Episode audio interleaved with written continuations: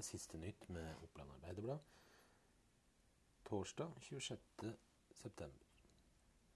Naboer til nye Bondelia Park er opprørt over ikke å bli hørt.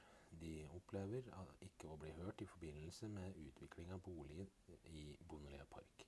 Der skal 60 nye boenheter bygges, og de opplever at Gjøvik kommune ikke tar hensyn til trafikkøkningen som vil skje gjennom boligområdet når det gamle gartneriområdet skal utvikles til boliger. Fylkesmannens tilsyn resulterte i ett avvik og to merknader. Samtidig får Nordre Land kommune ros for beredskapsarbeidet sitt. Nordre Land kommune etterlever ikke alle forskriftene til et helhetlig og systematisk samfunnssikkerhets- og beredskapsarbeid.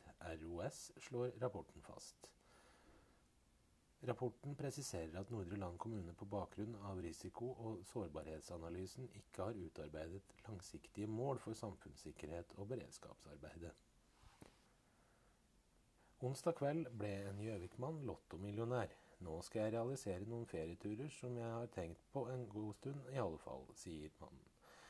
Mannen vant på en femukerskupong som han leverte i starten av måneden.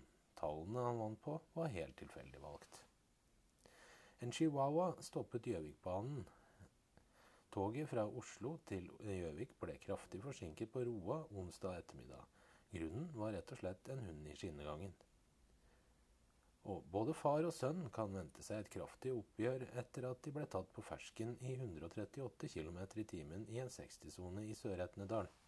De to hører ikke hjemme i distriktet, presiserer UP-betjent Erling Andersen. Han var ikke selv med på kontrollen denne søndag ettermiddagen, men han kan bekrefte OAs opplysninger. Dette var siste nytt med OA. Torsdag 26.9. Ha en fin dag.